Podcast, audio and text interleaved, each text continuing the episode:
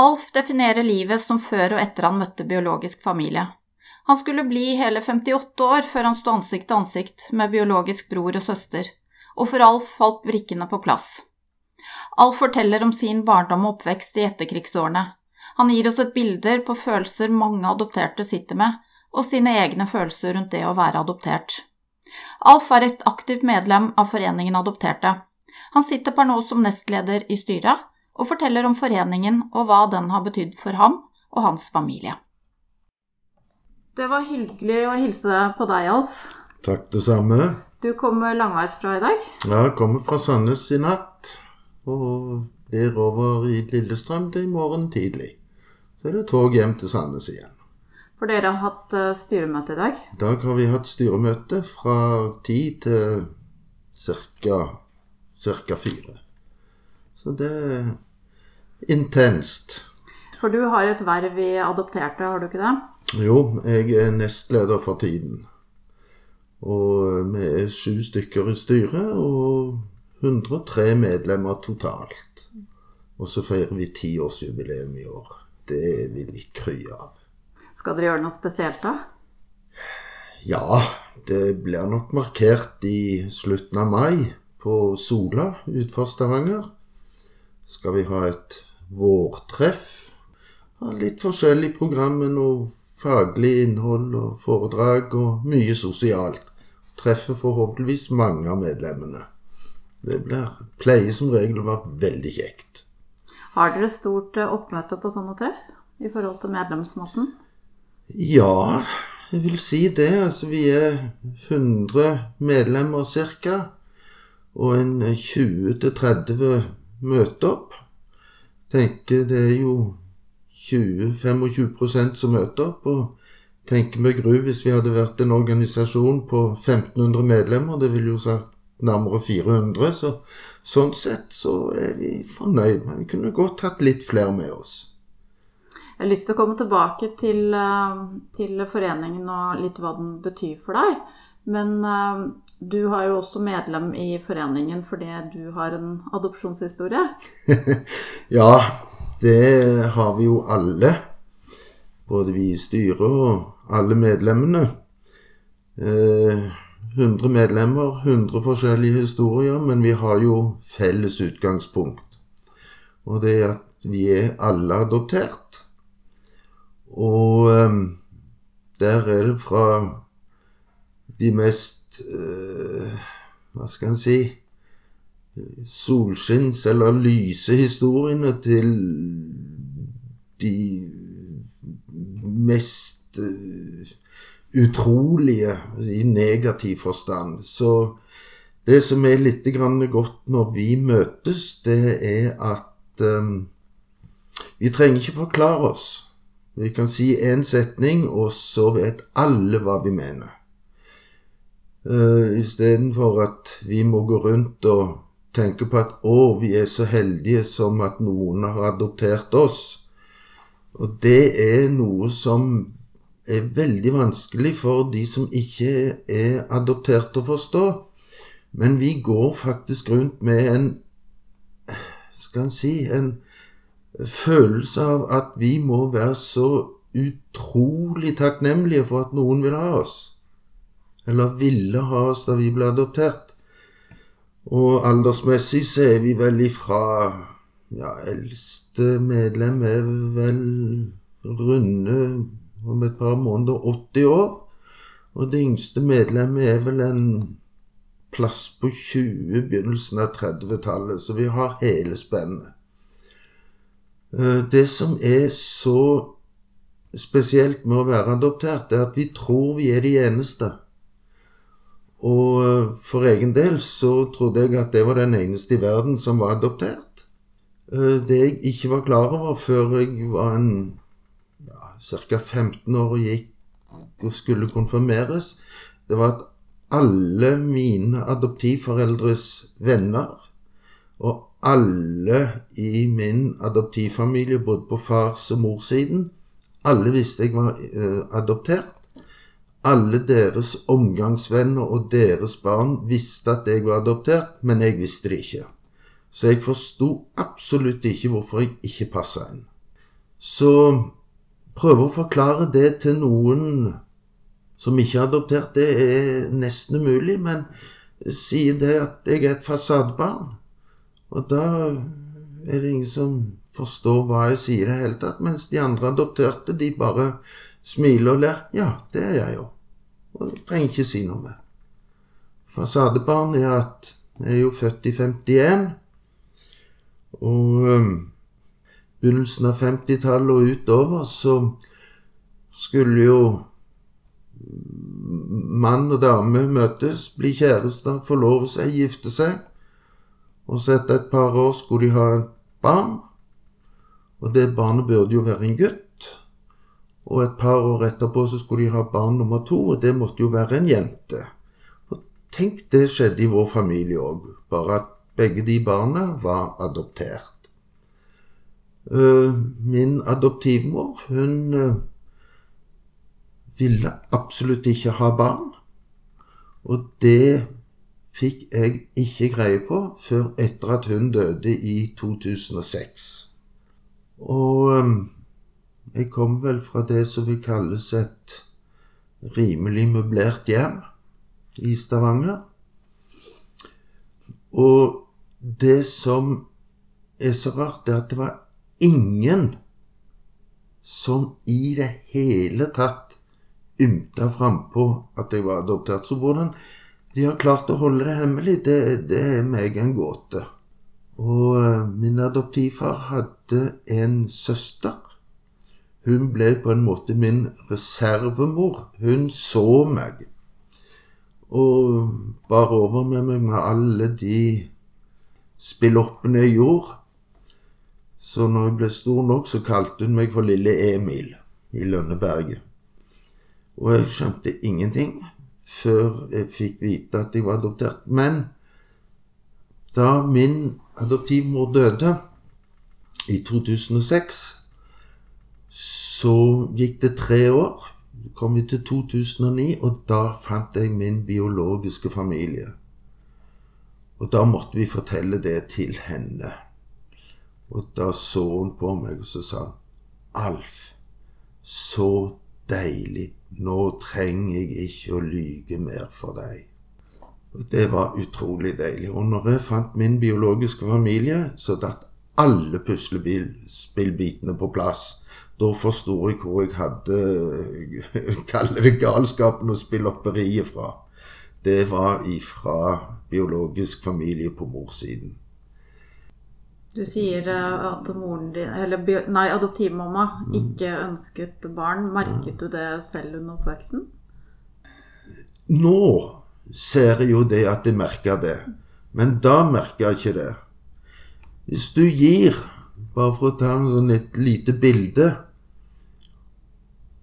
Hvis du gir en, et barn gammelt brød og gammel ost hver dag i mange, mange, mange år, så tror det barnet at brød skal være gammelt, osten skal være gammel.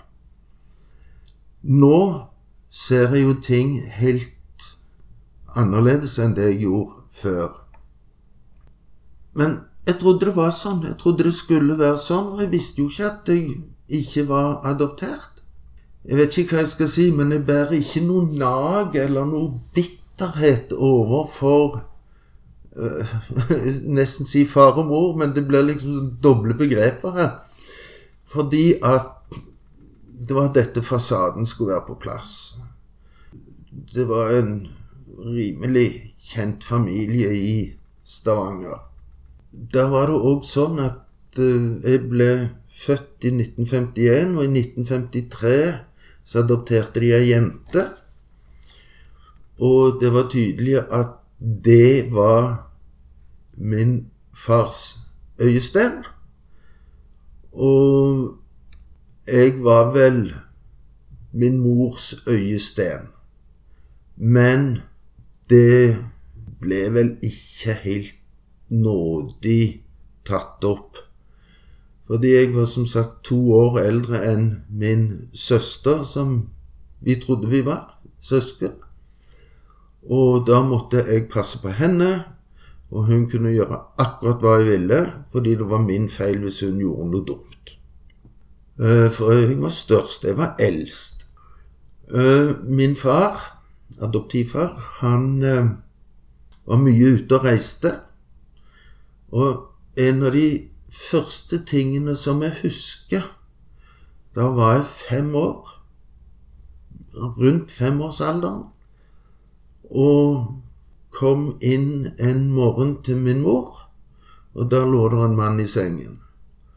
Og jeg ble jo veldig sint. Og så viste det seg at det var min far. Så eh, det, det hadde vel egentlig ikke gått i dag, men det var på midten av 50-tallet. Ting var helt annerledes, og det er jo òg en ting som er veldig vanskelig for mange å forstå, at hva skal vi si 1951 og 2011, 2020 Det er, to vidt forskjellige verdener. Min far, han øh, ville vel at jeg skulle bli alt det han ikke var. Så han fikk meg til å ta en del utdannelser. Så med stort og smått så sitter jeg med sju komplette utdanninger. og um, de aller fleste, eller så godt som samtlige, de um, Det var liksom beskjed fra min far at uh, nå, Alf, nå skal du bli kokk. Og hvis du blir kokk, så kan du bli kjøkkensjef. Blir du kjøkkensjef, så kan du bli hotelldirektør. Og Det tok tre år, så var jeg ferdig utdanna kokk med fagbrev. Så holdt jeg på litt med det, og så begynte jeg på hotellfagskolen. Og fikk da fullstendig hotelladministrasjon. Men øh, jeg ville ikke det. Før det så var jeg aktiv, og det var jeg i veldig mange år, over 35 år, i Røde Kors hjelpekorps. Og da fant, min, fant, jeg ut at jeg hadde lyst til å ta befalsskolen for Herrens sanitet. Og det bejaet min far, for da kunne jeg bli noe stort innen militæret. Så da var det to år i militæret. Tok befalsskolen som 18-åring, og var da utdanna befal som 19-åring og skulle være troppsbefal for Da var det pliktig militærtjeneste for 21-22-åringer. Det var ikke helt vellykka, for å si det mildt. Så um, fant far ut at Sjøkrigsskolen, det måtte jo være fint, for da kan det bli noe stort inne i handelsflåten. Så måtte han innom det. Så gikk det med meg som de går med mange andre. Jeg forelska meg, fikk barn, og gikk da som kokkelærling. Og min far syntes ikke noe om min kone, så det varte i to år. Da sa hun takk og farvel. Så tok jeg da som sagt ferdig hotellfagskolen. Og da var det Vet du hva, du kan jo bli hotelldirektør nå. Og så fikk jeg faktisk jobb i Vardø som direktør på et hotell, og var der et halvt år. Eh, kom hjem til Stavanger igjen. Traff jeg ei annen jente. Hun var fra en lærerfamilie. Og når jeg var ni år, i 60-61, så kom jeg hjem til far og mor og sa jeg vil bli lærer, for vi hadde verdens herligste lærer. Og det skulle ikke de ha i sin familie. Nei, nei, nei, nei. nei. Og så ble jeg lærer. Og da fikk jeg høre av min far at uansett hva du blir, uansett hva du gjør, så er du en enorm gedigen skuffelse. Og jeg var lærer i 16 år. Holdt på med Røde Kors og alt mulig, og hadde det veldig, veldig bra. Så døde min far året før jeg gifta meg for tredje gang. Og den kona har jeg ennå. Nå er det 20 år neste år. Jeg kan ikke Altså, jeg har hørt av mange som kjente min adoptivfar og adoptivmor, at han Alf, han er, han er flink, altså. Han er god. Men jeg fikk aldri høre det av han. Og hvis det var noen som skulle ha noe gjort, enten på hytta, eller noe hagearbeid, eller noe luking sånn. Du, jeg sender bort Alf. Men uh, han skal ikke ha betaling for det. Han må bare lære seg å, å yte noe her, for ja. Så det, jeg trodde jo det var sånn. For Var det sånn at du var, du var, du var konfirmant du, når du fikk vite ja. at du var adoptert? Mm. Ja. det var i grunnen en litt, litt artig historie. Nå, nå, kan jeg jo egentlig bare le av det, men det er, jo, det er jo en liten flik av det store bildet. For den presten i Stavanger, forresten domprosten i Stavanger, som skulle konfirmere oss, han var omgangsvenn av min farmor og òg mine foreldre. Og så er det visse formalier som skal til. Blant annet så måtte vi levere fødselsattest eller dåpsattest. Og fødselsattest, det ante jeg ikke hva var. Det hadde jeg aldri hørt om. Og dåpsattest, det gikk jeg hjem og sa at vi måtte ha med. Og den fikk jeg med, og jeg ser han ennå for meg. Nede i høyre hjørne et, et frimerke, et stempelmerke med en eller annen pengebeløp på én krone, fem kroner, to kroner, eller hva det var.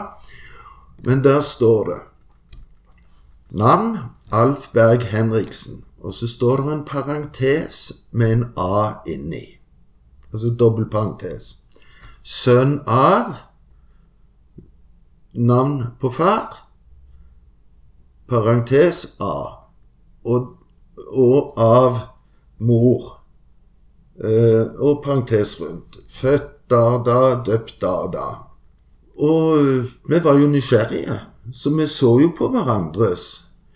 Jeg syntes det var litt rart at det sto sånn A, for det gjorde ikke det hos de andre. Og så spurte jeg domprosten.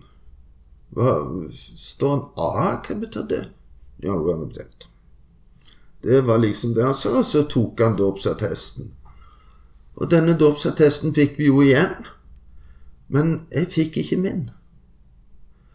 Og jeg tenkte ikke over det. Litt vimsete var jeg nok, så tenkte ikke over det i det hele tatt. Og så blir den dåpsattesten etterspurt hjemme, og jeg sier nei, den Ja, du har vel mista den, sier faren. Ja, jeg har vel det, da. Og så var det litt sånn brumming og kjefting og hurlumhei rundt det. Og hvis en da bare hopper fram til 2009 hvor min nåværende kone fant ut at nei, nå skal vi gi han Alf et spark bak. Nå skal han finne, opp, finne ut det han kan om sitt biologiske opphav. Så tar jeg kontakt med fylkesmannen i Rogaland og sier hvem jeg er, og hva jeg ønsker. Ja, sier hun på adopsjonsavdelingen. Da må vi ha fødsels- eller dåpsattest. Ja, ja vel, det var hm. Hva gjør vi nå? Jo, jeg tar kontakt med kirkekontoret i Stavanger og forteller at jeg må ha en dåpsattest fordi jeg skal finne biologisk familie. Liten uke etterpå så kommer dåpsattesten i posten. Og der står det Alf Berg Henriksen, sønn av navnet på far og navnet på mor. Født da og da, døpt da og da. Og Der var det noe som skurra, for den parentesen med A, hvor var den hen? Så jeg ringer ned til kirkekontoret igjen, eller tar kontakt med de igjen. Og så sier han sånn at jeg tror det er en feil på dåpsattesten min. Ja, ja, hva så var feil? Jo, du skjønner, jeg er adoptert, og det sto, vet jeg at det sto på den originale dåpsattesten, men det står ikke på denne her. Ja, nei Ja, det må vi sjekke opp. Så får telefonen etterpå nei, det står ikke i bøkene nå. Hva har skjedd? Vet ikke. Men jeg vet jeg er adoptert. og jeg vet Jeg har jo som sagt funnet biologisk familie. Og da, som sagt, da var det så mye som falt på plass. Det Det startet med at jeg fant biologisk bror. Han var sju år yngre enn meg. Og da hadde jeg funnet navn på biologisk far og biologisk mor. Som er nå, i en alder av 67, 66-67, har sagt far og mor, mamma og pappa. Endelig kan jeg si mamma og pappa. Det gjør de visst på Østlandet. Og de bodde her i, på og min biologiske bror, lillebror, han bodde i Asker. Og vi hadde litt grann brevkontakt først. Eller si, jeg skrev til han og sa at nå har jeg funnet ut sånn og sånn. Er det dine foreldre? I så fall så er vi brødre. Og da hadde han åpna det brevet ute på gangveien foran rekkehuset og hadde satt i et brøl av en verden, annen verden. Så naboen hadde kommet ut og spurt har du vunnet i Lotto. Nei, jeg har fått en bror! og han heiv seg på telefonen, og min kone tok telefonen. Og så sier han ja, et øyeblikk. Alf, bror din som ringer. Og jeg tenkte hva? Oi! Og så begynte vi å prate. Og da hadde vi prata sammen i to-tre minutter. Jeg hadde spurt om han kunne fortelle hvor gammel han var, hva han holdt på med, hvordan han så ut. Og det gjør han. Og så sier han sånn Ja, men nå vil jeg vite litt om deg. Hvordan ser du ut? Jo, så er jeg født 4. januar 51. 1,82 har vokst over hårgrensen og har, et, har nok noen få kilo for mye. Tjukken, sier han. Da hadde vi snakka sammen i under fem minutter. To dager etterpå så satt jeg på toget til Asker. Vi skulle treffes for første gang. Og fram da det var 6. august 2009 1535 og fram til 3. juni 2013 så var vi enten sammen fysisk, eller vi snakket sammen to, tre, fire, opptil fem ganger hver dag. Unntatt tre dager hvor han ikke hadde dekning på telefonen. På fire år og ti måneder. Dessverre så døde han i løpet av 20 minutter, og det eh, Bokstavelig talt 20 minutter. Men jeg har jo en vanvittig godt forhold, eller et vanvittig godt forhold til eh, biologisk familie på morssiden. Og ingen visste om meg. For min biologiske mor, hun hadde sagt til min far eh, Vi var altså tre søsken, helsøsken. Jeg var i midten. Jeg hadde òg en søster som var tre år eldre enn meg, men hun døde òg eh, ganske uventa for noen år siden. Og da min eller da mamma skulle føde meg, så reiste hun fra hjemstedet inn til Oslo. Og der ble jeg født et eller annet sted, aner ikke hvor. Og da hadde hun sagt til min, eller til pappa, at eh, jeg spontanaborterte, så det er ikke noe barn. Og til mine tanter og onkler så hadde hun sagt at det var dødfødsel. Så ingen visste noen ting. Allikevel så troppet hun opp hos min, eller vil si, tantene mine sa 'Å, så synd for deg, vi kommer ned i begravelsen'. Nei, sa mamma, ikke gjør det, jeg orker det ikke, jeg klarer ikke det. Dette var jo i 1951. Og et par dager etter fødselen Så jeg er visst blitt født med keisersnitt, ettersom jeg har nøsta ut etter det. Så var hun hos mine tanter og onkler der de bodde, med bandasjer og ting og tang fra sykehuset. Og Det var jo klart hun ikke orka at de kom i begravelse, for det var jo ikke noen begravelse. Og de ante heller ingenting om meg før at jeg tok kontakt med de. Og jeg er blitt mottatt som uh, Ja, det er ubeskrivelig. Det er full klaff. Så det De årene, som fra 2009 til nå, det blir jo ni år. Det er de desidert beste årene av mitt liv. Og min kone har sagt, sagt det til mange, at hun har gifta seg med Alf to ganger. Før han fant sine, eller sin, sitt biologiske opphav, og etterpå. To vidt forskjellige mennesker. Hva var det som falt så på plass eh, når du fikk møte dem? For det første så var det det at alt det Emil-greiene jeg har gjort, gjort gjennom hele oppveksten, det er sånn som min bror var. Han var enda mer sprø enn meg, for å si det sånn. Dette er typisk mammas familie. Finner på Aldri noe vondt, aldri noe ondsinn, men mye sprøtt. Godt finne på å gå bort til en politi eh, fra utrykningspolitiet og si Du, bakdekket ditt er på felgen. Og når de går og sier det, det er de ikke. Jo, se, hvor skal dekket ellers være? Altså sånne ting. Vi kunne, kunne, godt gå inn på bussen og si du, hvor mye koster bussen til Sandnes?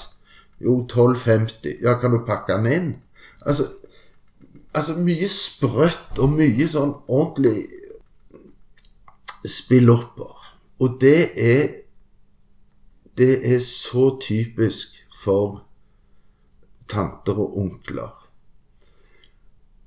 Og mens ellers så var det at jeg passet aldri inn i adoptivfamilien. Der kunne vi ha store familieselskaper. Jeg var Det er vel derfor jeg er blitt så glad i å lese. For at jeg fant meg et bok eller en, noe å lese i, og der satt jeg og koste meg og hadde det veldig greit, mens de andre gjorde masse annet. Så jeg har jo aldri passet inn. Så en, eh, du kan godt være ensom om du sjøl er med nærmeste familie, altså. Da du som 15 fant ut at du var adoptert, eh, gikk du hjem til adoptivforeldrene dine og spurte? Ja. Jeg spurte, altså jeg spurte på den måten og sa, Du, pressen sier jeg er adoptert. Hva er det for noe? Ja, nei, det at vi er ikke din, eh, vi er ikke din ordentlige Vi er ikke din ordentlige far og mor, men vi er jo foreldrene dine, ikke sant? For du har ikke noen andre. Og det var det. Ble ikke nevnt med et ord. Jenta som far og mor, eller ja, far og mor adopterte, hun På en eller annen måte så fant hun sitt biologiske opphav uten at noen visste noen ting. Og dette kom hun hjem, og reiste bort til de og besøkte de, og kom hjem igjen. Og um, da husker jeg det eneste gangen jeg husker at min far satte seg ved siden av meg, og så sa i en skikkelig god tone Alf, det som din søster har gjort mot din mor og meg, det må du aldri finne på å gjøre så lenge vi lever. Nei, hvorfor skal jeg det? Altså, det er jo dere som er far og mor. Så Hæ, liksom Hva så Viser det seg det at Som sagt, den jenta og meg, vi var vidt forskjellige. Um, jeg fikk jo alltid beskjed om at jeg måtte jo passe på henne, og jeg måtte jo dele med henne. og Men nå i ettertid Det er stygt å snakke om folk som ikke er lenger, men jeg ser jo det at jeg, jeg, jeg så ikke det som resten av familien så. Det var Det var forskjellsbehandling. Men altså, nå så sitter jeg Har jeg valgt å tenke på det at min far, han lærte meg én ting, og det skal han ha. Han lærte meg hvordan jeg ikke skulle oppdra barn. Og det har jeg eh, levd etter som lærer og spesialpedagog. Og det jeg har gjort At det gjør ikke forskjell sjøl om vi er forskjellige. Men det å være adoptert, det er så uendelig mye mer. Fordi at nå har jeg vært gift med min kone i 19 år. Den dag i dag Hun prøver å vende meg av med det, men hun klarer det ikke. Så må jeg spørre mange ganger til dagen Har du det bra? Har du det bra? Altså, jeg må hele tiden bruke meg sjøl så utrolig mye for at andre skal ha det bra. Det er ikke så farlig med meg. Altså, har du det bra, ja, da har jeg det bra. Da blir det fred og ro. Hvis du kan smile og le, så kan jeg smile og le. Og uh, Rolf Just Nilsen, vår eminente skuespiller, han sa det at uh, Noe lignende sånn som det at den morsomme klovnen, det er ingen som gråter så mye sa han. Og det er faktisk veldig sant. Som adoptert så tror jeg det er veldig mange som er enig med meg i at vi må Vi må alltid være på vakt for at vi må please andre for at de skal ha det bra. Ikke fordi at vi er utprega snille mennesker, vi som er adoptert, men det er bare noe som helt fra spedbarnsstadiet, de som er adoptert så tidlig, det ligger i ryggmargen at vi må føle takknemlighet til verden. Er det noen som vil ha oss? Men det er ingen som sier det at vi skal rett og slett tenke på at de som tar oss, de har vært veldig heldige som har fått oss. Det er det ingen som snakker om at vi må jobbe Og det er bare å si en sånn setning når vi er samla så begynner folk å flire og le. Ja, men det er sånn er vi, da. Og alt det som eh, som, som, som vi drar med oss, det er, det er omtrent umulig å forklare for noen som ikke er adoptert. Du hadde jo et langt voksent voksentliv før du fant eh, biologisk familie, men hadde du tanker på dem før det? Hadde du noe ønske om å Oh, ja. ja. Ja, nei. Altså, da kommer det igjen. Jeg skulle ønske Nå er det jo kommet ny lov i år. Nei, unnskyld, i fjor. I juni i fjor. Som forhåpentligvis trer i kraft om ikke så lenge. Hvor barn, adopterte, skal få uh, muligheten, litt lettere mulighet til å kunne finne biologisk opphav. Eh, bare tenk på dette med medisinsk historie. Sjøl så hadde jeg elleve år hvor jeg gikk ut inn av sykehus med blålys og full musikk pga. brystsmerter. Hjerte til jeg fant biologisk familie og fant ut at det, det er ikke noe mer hjerteproblemer i vår familie enn det som er helt 100% normalt. Men astma, det er nesten mellomnavnet på mange av oss i familien. Når vi fikk klart det på sykehuset, så ble det plutselig noe annet, og nå har det ikke vært sykehusinnleggelser på ja, vet ikke hvor mange år. Men Første gang du kommer til fastlegen, første gang du kommer til sykehuset, spør de er det noe arvelige sykdommer i familien. Jeg vet ikke, jeg er adoptert. Der gikk den døra igjen. Så tenk på all den engstelsen jeg har utsatt min kone og mine barn og mine barnebarn på. Det gikk jo så langt at når min eh, yngste sønn Han er nå forresten sykepleier. Når han kjørte på, på motorveien mellom Stavanger og Sandnes og så ambulansen med blålys i sirener, så sa han alltid 'Å ja, nå er det faderen som skal inn igjen'. Og det var det jo selvfølgelig ikke. Men bare tenk på hvor mye unødig Tenk om vi hadde visst bare det. Så er det det med å finne biologisk opphav. Det har jo liksom toucha borti av og til, men slått det fra meg med en gang. Det, hvorfor skal jeg det?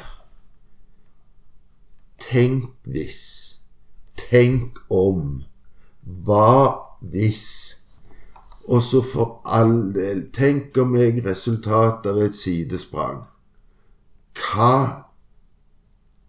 ramaskrik, og hva Hvor mange mennesker vil jeg ødelegge da? Og glem det. Men jeg tenker jo ikke på meg sjøl. Og så lenge du får beskjed om at du, du har bare å være fornøyd med det du har, så så gjør du ikke noe med det. Men det var altså faktisk min min yngste svigerdatter. De var ikke gift engang. Og min kone. Som eh, til slutt bare sparka det hele i gang. Da sa jeg at ok, nå gjør jeg meg. Nå maser jeg ikke. Nå gjør jeg det. Og det var altså i 2009. Far døde i 1988 eller 1989. Nei, unnskyld, 98 eller 99. Og mor døde i 2006. Og jeg manna meg opp til da 2009. Og jeg var jo livredd, ikke minst for hva jeg skulle si til mine tanter og onkler. Eller min tante og to tanter som levde igjen da. Men der fikk jeg jo bare klar beskjed om at din forbaskede tullball, hvorfor har du ikke gjort det før? Og når jeg da fortalte det at jeg hadde lovet min far, sier min fars søster at skal aldri hørt på han. Skulle aldri gjort det. Og min mors søster, hun var reserve. De bodde på, bodde på Østlandet. Så når vi var her på sommerferier og påskeferie og sånn, så var hun min reservemor der. Og hun tente jo i bånn på alle pluggene, og da var det best å skygge barn, for hun var sint. Men det var ikke meg hun var sint på. Men jeg fikk jo kjeft fordi at jeg ikke hadde gjort det før. Men hun forsto det når jeg forklarte det. Så øh, Jeg traff jo dessverre aldri mamma og pappa. Mamma døde i 2000. Og øh, jeg koser meg nå med svigerinne. To nieser, en nevø, ei tante og en onkel på morssiden. Og en del jeg holdt på å si som jeg er grandonkel til. Kjempekjekt. Så det er vel Det er vel i grunnen det som er i hovedtrekk. Det er så mye annet jeg kunne ha sagt, men jeg har ikke lyst til å bli for spesifikk heller, for noen av de som hører dette her, kan nok sikkert òg på stemmen, men kan nok begynne å plukke ut litt. Men det som er så spesielt, det er det at fra 1945 rundt det og til 65 så var det jo titusenvis adopsjoner. Så jeg vil påstå at alle som er i min og mine barns generasjon Alle vi kjenner noen som er adoptert, eller kjenner noen som har adoptert. Men jeg har pleid å si at det er jo det siste tabu i Norge. Det skal ikke snakkes om. Men har det vært tabu for deg i voksen alder å snakke om det? Det har vært et ikke-tema. Hvorfor skal jeg det? Men etter at jeg fant biologisk familie, så har jeg fronta at jeg er adoptert. Var det slik du kom inn i foreningen Adopterte også? ja, det kan du si. Eh, når jeg hadde funnet min biologiske familie, og dette var jo bare meg i hele verden som hadde gjort det Wow! Og jeg er ikke akkurat den mest PR-kåte og oppmerksomhetssøkende person. Det tror jeg både mine barn og familien vil skrive under på. Men dette var så stort dette må verden få vite. Dette kan ikke gå upåakta hen. Hva skal jeg gjøre? Åh, jeg har så lyst til å skrive, ta kontakt med Stavanger Aftenblad og få de til å lage en reportasje om meg. Jeg har så lyst til å komme på fjernsyn og fortelle dette, for dette er jo wow! Min Men selvfølgelig, det var jo det en gikk og drømte om når jeg svevde. Min eldste søster hun hadde hatt kontakt med en journalist i Norsk Ukeblad før. Hun visste heller ikke om meg. Selvfølgelig. Ikke lillebror heller. Så jeg snakket med henne. vet du, Jeg har så lyst til at noen skal skrive om dette, her, for det er jo bare så sykt deilig. Ja, jeg kjenner henne. Jeg ber han ta kontakt med deg. Det resulterte i oktober 2009, november 2009. Tre siders oppslag i Norsk Ukeblad med masse bilder av lillebror, storesøster og meg. Og min kone. Og jeg var jo Jeg kunne tro at jeg var høy på et eller annet narkotisk stoff, men det var jeg altså ikke. Det aner ikke hvordan det ser ut engang. Så kom dette ut. Og så gikk det vel ei lita uke, så ringte telefonen. Hei, det er fra Adopterte, Foreningen Adopterte. Du, vi skal ha årsmøte i Bergen i januar eller februar 2010. Der skal du være med. Nei, jeg er ikke medlem i noen forening. Jo, nå er du medlem. Så sånn kom jeg inn i foreningen. Og vet du hva? Det er pitle med noe av det kjekkeste som har skjedd. Du verden. Vi er uh, søsken og uh, hele gjengen. Har alle forstått hverandre uansett hva bakgrunn eller hva ballast vi har med, hva livshistorier, livserfaringer vi har med. Men alle har det i ryggraden. Vi er adoptert. Det er, det er bare så synd at det fortsatt skal være så vanskelig å at det, at det er så tabubelagt, føler jeg. Men er det kanskje spesielt eh, i forhold til din generasjon? Ser du forskjell på yngre som kommer inn i foreningen, at kanskje de snakker om det på en annen måte? Det er vanskelig å si. Det er jo de som sier at de har òg trodd de har vært alene, for det har jo ikke vært snakket om. Men jeg har et inntrykk at de som er en del yngre enn meg Og vi har, en, har noen av de òg i foreningen. Så vi er ikke bare noen gamlinger. Eh, de sier òg at de har følt seg så alene. De har trodd lenge at de var de eneste. Så Kanskje nå, i og med at adopterte er blitt ti år, at eh, vi, vi eh, At andre òg får øynene opp om det, og at Det er jo egentlig veldig, veldig rart. For vi burde jo egentlig tenkt på oss sjøl som løvetannbarn. Altså, vi har jo veldig mange odds mot oss. Men allikevel, det blir jo folk av oss allikevel. Men jeg, altså, jeg har inntrykk av at nå Nå blir det mer interesse for oss Eller interesse på oss adopterte ved at eh, det er så mange rundt som som vet om dette med å være adoptert, og vet om dette med adopsjon, men de vet lite og ingenting om hva det innebærer.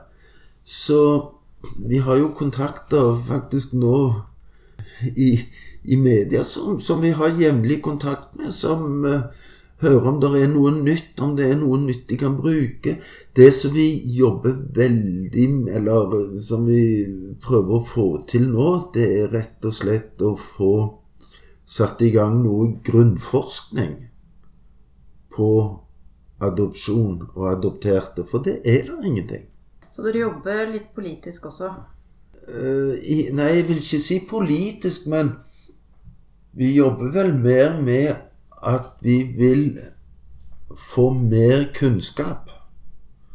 Ikke, vi er adopterte organisasjonen. Adopterte er jo helt, eh, helt nøytral og politisk uavhengig og uavhengig både på livssyn og tro og alt sammen. Men rett og slett å få vite mer kunnskap Eh, vi har jo vært så heldige, det er det jo andre som snakker mer om sikkert, at vi har jo, på tross av vår unge alder som organisasjon, eh, vært med i høringsinstans på den nye adopsjonsloven som kom i 2017, nøyaktig 100 år siden den første. Det var, jo, var vi jo litt stolte av at vi fikk være med og delta litt på det og sånne ting. Men rett og slett å spre kunnskap i Det er mange som snakker om universelle sannheter. Det kaller vi for synsing. Altså få mer fakta. Hvor mange dreier det seg om? Nå er det bare sånn antagelser, anslag, statistiske beregninger og sånn. Hva gjør det egentlig med et menneske som blir adoptert? For det folk ikke er klar over, at vi går med en fødselsskade. For at vi har Eller ikke alle, selvfølgelig.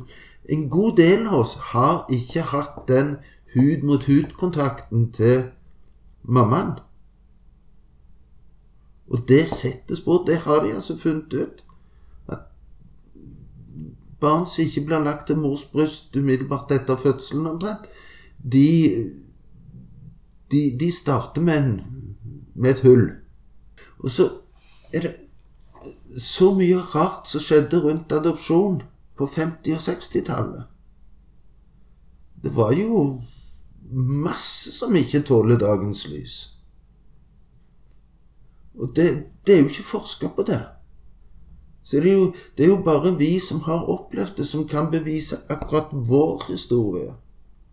Du kan bevise din historie, men det har ikke vært noe som sier at det hadde vært greit å vite. Hva betyr eh, foreningen for deg personlig, Alf? Ja, nå skal jeg ikke komme med floskler og si at det betyr alt. Men det betyr i hvert fall utrolig mye, og det er at jeg er så utrolig glad for at jeg får være med i styret, for da får jeg treffe de andre litt mer enn tre ganger i året. Men jeg har sagt til min fastlege at disse medlemstreffene våre de skulle kommet på blå resept. For det er mentalterapi på vanvittig høyt nivå. Så viktig det er det. Det er Jeg hadde nok klart meg uten òg, men du verden, jeg ville ikke vært dette foruten. Så vi håper bare at vi kan få gjort mye mer, men vi må ta et bitte lite steg av gangen. Og så for hver ting vi prøver på Vi prøver å ikke gå videre før det vi holder på med, er skikkelig både kvalitet og at det er hold i det. Sånn at vi har bare skynder seg veldig, veldig langsomt. Men det er Altså, det spørsmålet der, hva foreningen betyr for meg, det skulle du egentlig stilt til uh, min kone og mine barn. Uh, datteren min og mannen, de har nå sagt at de vil gjøre en innsats for foreningen. Min nest eldste sønn, han eh, har sagt at han skal hjelpe til med alt det vi trenger av grafisk design og sånne fun facts og sånne ting. Og de sier det at far før 2009 er noe helt annet enn far i dag. Du vet at det nå Altså, jeg svever ennå. Men det jeg er aller mest glad for, det er at de fire år og ti månedene jeg hadde med lillebroren min, det var kvalitetstid. Så mange syntes det var veldig kort tid, men det var nå den tiden det var. Men jeg eh, tenker på at vi har hatt kontakt enten per telefon eller fysisk. Fi, ja, minimum to ganger. Opptil fire-fem ganger til dagen. Unntatt tre dager på nesten fem år. Det er fantastisk å få oppleve sånt. Og nå har jeg overtatt det til niesen og nevøen min og svigerinna mi. Riktignok blir det jo litt, litt færre telefoner, og sånn, men når vi er på Østlandet, så er vi på besøk og ja, og koser oss.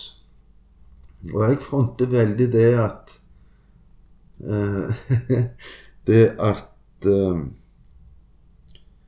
at jeg er adoptert. Jeg hadde forresten en veldig artig opplevelse på torsdag i forgårs. Mitt nest eldste barnebarn skulle på utflukt med klassen. De skulle se på sånn Vistehola på Randaberg. Norges eldste steinalderboplass. Og der kunne far og mor og besteforeldre være med. Så jeg stilte opp som morfar. Og der er det noen foreldre, og så er det en Så er det en dame på min alder, så jeg går bort til henne og sier det er kjekt å se at det var en til av min generasjon. Ja, hun var fra Sørlandet. Ja, jeg er mormor. Ja, jeg er morfar, sier jeg. Og ja, ja, nei, her har jeg aldri vært, sier hun, men jeg har vært på Sele. Å ja, sier jeg. Ja, det var jo greit. Så viser det seg det at vi er firmenninger. Og hun visste om meg. Eller hun visste ikke om meg, da, men hun visste om en som var tatt til i familien. Det får jeg altså greie på i 2018. Så rart. ja, men Vi begynte jo å le. Vi syntes jo det var veldig artig. Men det er merkelig. Livets tilfeldigheter. Ja, ja, ja. Da vil jeg bare si tusen hjertelig takk for at du delte din historie, Alf. Bare hyggelig. Bare hyggelig.